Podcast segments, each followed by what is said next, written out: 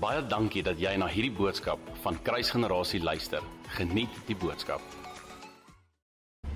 Familie, dis my so groot voorreg om vanoggend met jou die woord te deel. En dit gaan dalk 'n bietjie 'n anderste tipe woord wees, nie noodwendig 'n lering of so nie, dalk meer 'n storie vertel. Maar stories is altyd lekker want dit help 'n mens om so te kan relate. Want sekere goed wat in die woord met mense gebeur het, is nog steeds vandag op toepassing van ons lewens. Dit kan nog steeds met ons gebeur vandag. Die woord van God is nie hierdie oud uh verouderde boek wat niks betekenis dra vandag nie of het, het gebeurtenisse in opgeteken wat nie vir my en jou vandag iets kan beteken en iets kan wys nie. En daarom gaan ek met jou 5 stories deel.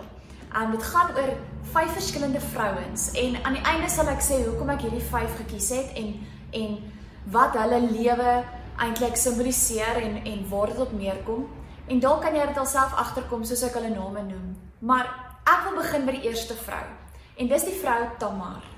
Nou, daar is twee Tamars in die Bybel en um, ons raak altyd of ons dink altyd net aan die een want mense weet nie eintlik van die ander een nie.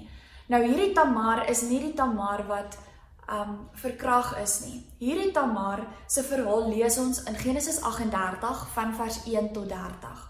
Nou Tamar was 'n heidense vrou, um 'n weduwee want haar man Er het gesterf. Hy was 'n bose man gewees en die die woord van God sê dat die Here hom laat sterf het. Um as gevolg van sy boosheid. En volgens wet mag Tamar, mag enige vrou sodra hulle man sterf, Volgens die wet in daardie tyd mag die vrou getrou het met die boetie, die tweede boetie van haar afgestorwe man. So Tamar kon toe nou met Onan trou, wat die tweede boetie was, haar swaar, en dan was dit so bepaal dat as daar uit daai huwelik 'n kind verwek sou word, dat die kind nie die tweede boetie um se van of se naam of se erfgenaam sal wees nie, maar die kind sal die erfgenaam wees van die eerste man wat afgesterf het. Nou toe trou Am, Am Tamar met Onan, maar Onan wou nie volgens hierdie wet um leef nie.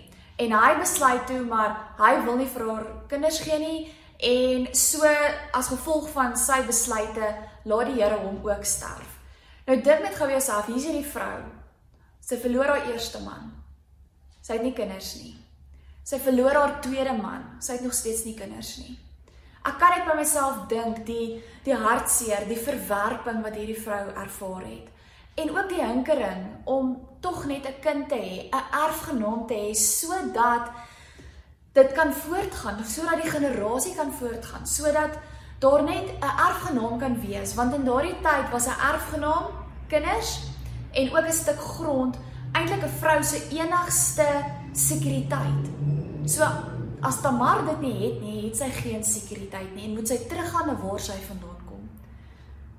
Die haar skoonpa se naam was Juda en Juda beloof aan haar die derde kind, die derde seun en sy naam is Sela, maar hy was nog baie jonk geweest en Juda besluit toe hy maak aan haar hierdie belofte dat wanneer Sela die regte ouderdom is, dan sal hy hom vir haar as man gee en dan as met ander woorde as daar 'n kind dan uit daardie huwelik verwek word, tel dit nog steeds as erfgenaam van die eerste man van Er.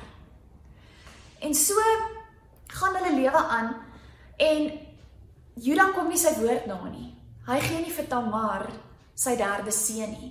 En Tamar besluit uit desperaatheid, uit ehm um, vasbeslotenheid, besluit sy sy gaan 'n plan maak. Sy gaan hierdie situasie in haar eie hande vat. En wat sy doen is sy vermom haar, haar skoonpa is op pad iewers heen. Sy vermom haarself met lappe. Die Bybel sê sy het lappe en goed om haar gedraai sodat haar hare en haar gesig nie um bekend was nie.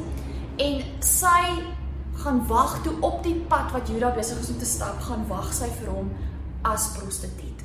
En sy besluit sy gaan daar wag en hom tegemoet gaan en met hom ingaan. En so gebeur dit toe, toe Juda haar sien maak hy ook hierdie besluit en hy vat haar en uit hierdie gemeenskap word 'n kind verwek. En um, eintlik twee kinders, dit was 'n tweeling gewees. En langs toe die kort Tamar word swanger met 'n tweeling. En Juda vind uit van haar haar oneer, hy vind uit wat hier gebeur het. Maar in die situasie moes hy ook man up wil ek amper sê, want dit was nie net sy alleen in hierdie situasie wat 'n fout gemaak het nie. Dit was hy ook. En uit hierdie hele situasie uit kom hy en hy is eerlik en hy sê wat gebeur het. En die tweeling is gebore en die storie gaan aan.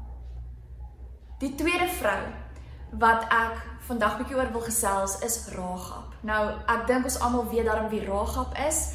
Ragab se verhaal lees ons in in Josua 2 2, ekskuus Josua 2 en hoofstuk 6 ook. Kan jy gaan lees van Ragab. Nou Ragab was bekend as die prostituut van Jerigo. Sy sy het nie gemaak asof sy een is nie. Dit was haar beroep, dit was haar leefstyl, dit was wie sy was. Sy was bekend in daai hele stad as die prostituut. OK? En Ragab was ook 'n heidense vrou met ander woorde in ons taal vandag 'n ongelowige alhoewel die woord sê Ragab het al die stories van God en sy wonderwerke vir die Israeliete het sy van gehoor. So alhoewel sy dalk nie geglo het in God nie, het sy definitief van God geweet. En dit is 'n belangrike punt om te onthou. So toe die verspieders uitgestuur is om die land van Jerigo te gaan uitkyk en te gaan kyk wat daar aangaan. Toe is Ragab die vrou wat hulle huisves eintlik weggesteek het. Die verspieders um, mag nie daar gewees het nie en die koning se manskappe het gehoor dat sy mense wegsteek um, wat die land binne gekom het wat nie daar mag gewees het nie en sy steek hulle weg en sy jok vir die koning se manne om hierdie mans veilig te hou, hierdie Jode veilig te hou. En um, as gevolg van haar kindness wat sy teenoor God se manne gewys het, red hy haar en die hele familie toe hierdie oorlog uiteindelik uitbreek. En op die einde van die dag trou Ragab met 'n Hebreër of met 'n Israeliet, Salmon, en sy glo die Here, sy maak self die verklaring dat die God van die Israeliete is lewendig en hy het hulle gered, so sy verklaar dit met haar mond Met ander woorde, sy kom tot bekering in ons taal vandag en sy trou met hierdie Hebreëse man en uit hulle huwelik word 'n seun gebore en sy naam is Boas. En dit bring my by die derde vrou. En ons almal ken vir Rut. Rut het op die einde van die dag met Boas getrou, so Ragab was Rut se skoonma. En Rut was 'n weduwee, haar man is ook oorlede. Sy was nie 'n afstammeling van Israel nie. So met ander woorde, sy was ook nie 'n Israeliet nie. Sy was nie deel van God se volk nie. Maar in die familie waarin sy getrou het, haar skoonma Naomi, in die familie waarin sy getrou het, um bewys um Rut haar lojaliteit teenoor Naomi. Dat nadat haar man afgesterf het, nadat Naomi se man afgesterf het, sê sy vir Naomi, Ek gaan nêrens heen nie. Ek gaan nie terug na my land en my mense toe nie. Ek kom saam met jou na jou land en jou mense en jou God toe. En haar lojaliteit is wat hier uitstaan. Rit wil iewers behoort. Sy wil behoort tot 'n nasie en sy wil behoort tot 'n familie. Sy wil behoort tot 'n God. En dis hoekom sy hierdie keuse maak om nie terug te gaan nie, maar om saam met haar skoonma Naomi te gaan. Sy trou op die einde met Boas en 'n hele boek in die Bybel word vernoem na haar, word geskryf oor haar lewensverhaal en dis die boek van Rut. Die vierde vrou is Uria se vrou of soos ons haar ken, Batseba. Nou, as ons die naam Batseba hoor, dan is daar dadelik 'n stigma rondom Batseba en ons dink dadelik maar sy is hierdie vrou wat vir Dawid verlei het. En eintlik is dit nie die waarheid nie. Koning Dawid se ooit gedwaal en koning Dawid het haar na hom toe gebring. Hy het haar gesamen om te kom. En um, haar verhaal kan ons lees in 2 Samuel 11 en 2 Samuel 12 en ek wil jou uitnooi om hierdie skrifte te gaan lees. Dit is regtig amazing as mens hierdie hele verhaal lees in konteks en sien hoe hulle lewe afgespeel het en presies wat gebeur het. Nou koning Dawid loop een aand bo op die dak van die paleis, sê die woord, en hy kyk af en hy sien Batseba bad nogal heel interessant dat haar naam en haar aksie ooreenstem. Maar hy sien haar bad en die woord van God sê sy was 'n beeldskone vrou gewees. En so laat hy vir Batseba roep um om na hom toe te kom en ons almal weet hulle al twee breek die eg, dan 'n woord of eintlik wat Seba breek pleeg egbreek met koning Dawid en terwyl haar man Uria op die oorlogsveld is. So hy is nie eers by die huis nie. En as gevolg van die skaamte en die skuldgevoelens wat Dawid ervaar na aanleiding van hierdie daad en hierdie aksie, hierdie sonde van hom, laat roep hy vir Uria uit die oorlogsveld uit om eintlik aan hom nou te bely en eintlik nou vir hom te sê wat hy gedoen het en hoe jammer hy daaroor is. Maar koning Dawid het nie die moed om dit te doen nie. En um uit hierdie uit hierdie egbreek word Batseba swanger en ongelukkig vir die sonde, ongelukkig vir die verkeerdheid in die aksie wat sy en koning Dawid gepleeg het, laat God die kind sterf. En so ook het koning Dawid bevel gegee dat Uria heel voor in die oorlogsveld moet veg sodat hy kan sterf want hy wil Batseba vir homself gehad het. Nou die Bybel sê nadat Dawid jammer gevoel het en jammer gesê het en sy vrou wat hy toe nou vir Batseba sy vrou geneem het, getroos het, word dat toe 'n kind uit hulle huwelik uitverwek en ons almal weet hierdie kind se naam is Salomo wat hy uiteindelik toe nou by koning Dawid oorgevat het en sy koninkryk verder gebou het. En dan die vyfde vrou. Ag, ek dink dis die bekendste een vir ons almal en dit is Maria. Dis Jesus se ma. Nou Maria se verhaal speel af in Matteus 1 kan jy gaan lees of selfs in Lukas 1 vers 26 tot 38. Nou die geskied geskiedskrywers reken dat Maria op hierdie oomblik toe die engel aan hom verskyn het en vir haar kom sê het sy gaan swanger word met 'n seun was sy omtrent so 14 jaar oud gewees. En eh, Maria was verloof aan Josef. Nou in daardie tyd, as 'n vrou sou swanger word sonder dat sy getroud is, so met ander woorde buite die huwelik, buite die eg sou swanger raak, dan was die straf vir hierdie sonde om gestenig te word. So dit was 'n groot embarrassment eintlik vir Maria en eintlik meer vir Josef toe hy hoor dat Maria swanger is of Maria swanger gaan word. OK? Maar Maria het nie vir die engel gesê nee, ek wil nie dit met my gebeur nie. Nee, kies iemand anders. Nee, hoekom het julle my gekies? Sy het nie vir eendag dit gedoen nie. Inteendeel, in vers 38 in Lukas 1 vers 38 sê Maria die volgende in response tot die woord van God. Sy sê: "Mag dit met my wees volgens u woord." En hieruit leer ek net daar's soveel gewilligheid, soveel bereidwilligheid, soveel geloof en soveel gehoorsaamheid. En ons almal ken die verhaal Maria raak swanger met Jesus, die koning van die konings en ehm um, sy wandel self saam met hom terwyl hy ehm um, sy bediening hier op aarde uitleef. Familie, hoekom noem ek vir jou, kom vertel ek vir jou hierdie vyf verhale van hierdie vyf verskillende vrouens. In Matteus 1 is die geslagsregister van Jesus. En net hierdie 5 vrouens se name word in daardie geslagsregister genoem. Nou weer eens in die ou tyd was dit so onvanpas om vrouens se name in die geslagsregister in te sit. Dit was eintlik glad nie deel van die wet of die reël of die stelsel nie. Dit moes glad nie so gewees het nie. Maar in dit weet ek omdat die die woord van God geïnspireer is deur die Heilige Gees wou God hê hierdie vyf vrouens se name moes pertinent genoem word in hierdie geslagsregister. Dit was 15 dinamiese vrouens. Ja, hulle het nie almal reg geleef nie, hulle het nie almal reg opgetree nie, maar dit sê net weer eens vir my, wow, God kies nie die perfekte mense nie. God kies alledaagse mense soos ek en jy. Hy kies alledaagse vrouens soos ek en jy. Ons is dalk nie prostituie nie. Ons het dalk nog nie ons mans verloor nie. Ons het dalk nie 'n kind afgestaan in die dood nie. Ons het dalk nie saam geplot met ons skelmpie, saam met hom geplot om ons man te laat doodmaak nie. Ons het dalk nie hierdie erg sondes al in ons lewe gedoen of toegelaat of dalk eers bedink nie. Maar nog steeds, al het hierdie vrouens um dalk in skandaal opgetree. Kies God hulle om die Messias deur die bloedlyn tot lewe te bring. doodgewone vrouens soos ek en jy. God kies mense, God kies vrouens met 'n verlede, met 'n geskiedenis. En dis oukei okay, want ons ons verlede is binne in hom. Hy het dit weggevee.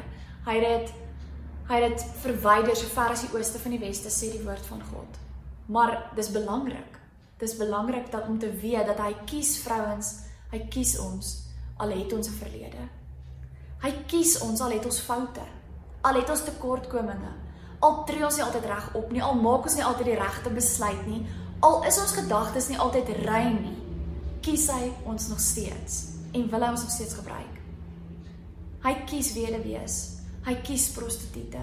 Hy kies die armes. Hy kies mense wat nie belangrik is nie. Hy kies iemand soos Iria se vrou wie se naam nie eers genoem word nie. Daar word na haar verwys as Iria se vrou in die geslagsregister. Hy kies jou al is jy nie bekend nie. Al word jou naam nie genoem nie. Al is jou naam nie eens waardig om genoem te word nie familie, hy kies sondaars. Hy kies ons om deur ons iets amazing te doen. Hulle was gewone vrouens soos ek en jy. Maar hulle is deel van Jesus se bloedlyn. Hulle is deel van Jesus se geslagsregister. En dit beteken dat hulle goed genoeg was in sy oë. Dit beteken dat hulle vir hom belangrik genoeg was. Hulle verlede, hulle foute, hulle plek van van waar hulle af gekom het, hulle besluite, hulle name was vir hom belangrik en is vir hom belangrik soos my en joune. Elke vrou wat ver oggend kyk, ek wil vir jou laat agterlaat met hierdie met hierdie volgende paar punte. Jy is belangrik vir God. Wat jy droom, wat jy begeer, wie jy is, daar waar niemand jou sien nie. Wie jy is as jy alleen is, is belangrik vir God en hy wil en hy kan jou gebruik. Hy soek nie iemand wat perfek is nie. Hy soek net iemand wat gewillig is, iemand wat bereid is en hom sal toelaat om deur hulle te werk en deur hulle op te tree. Iemand soos Tamar wat vasbeslote was. Iemand soos Ragab wat baie dapper was. Iemand soos Rut wat altyd lojaal was. 'n Vrou soos Batseba wat beeldskoon was. En hiermee praat ons nie van uiterlike beeld, uiterlike skoonheid nie. Ek praat van die hart, ek praat van wat hier binne aangaan. 'n Skoonheid hier binne, 'n reinheid hier binne. En natuurlik die gehoorsaamheid soos Maria. Dit is waarna Vader soek. So ek wil jou uitnooi vandag. Wees dinamies.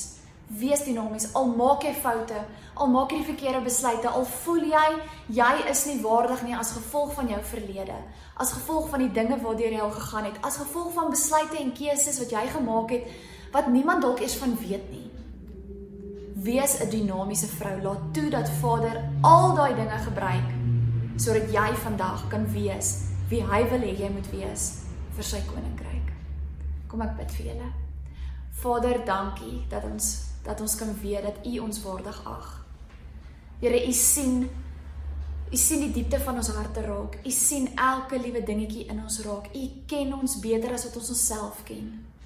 Here, en dit dit wat ons van onsself weet, diskwalifiseer ons. Maar wanneer U na ons kyk, dan is ons gekwalifiseer as gevolg van die bloed van Jesus.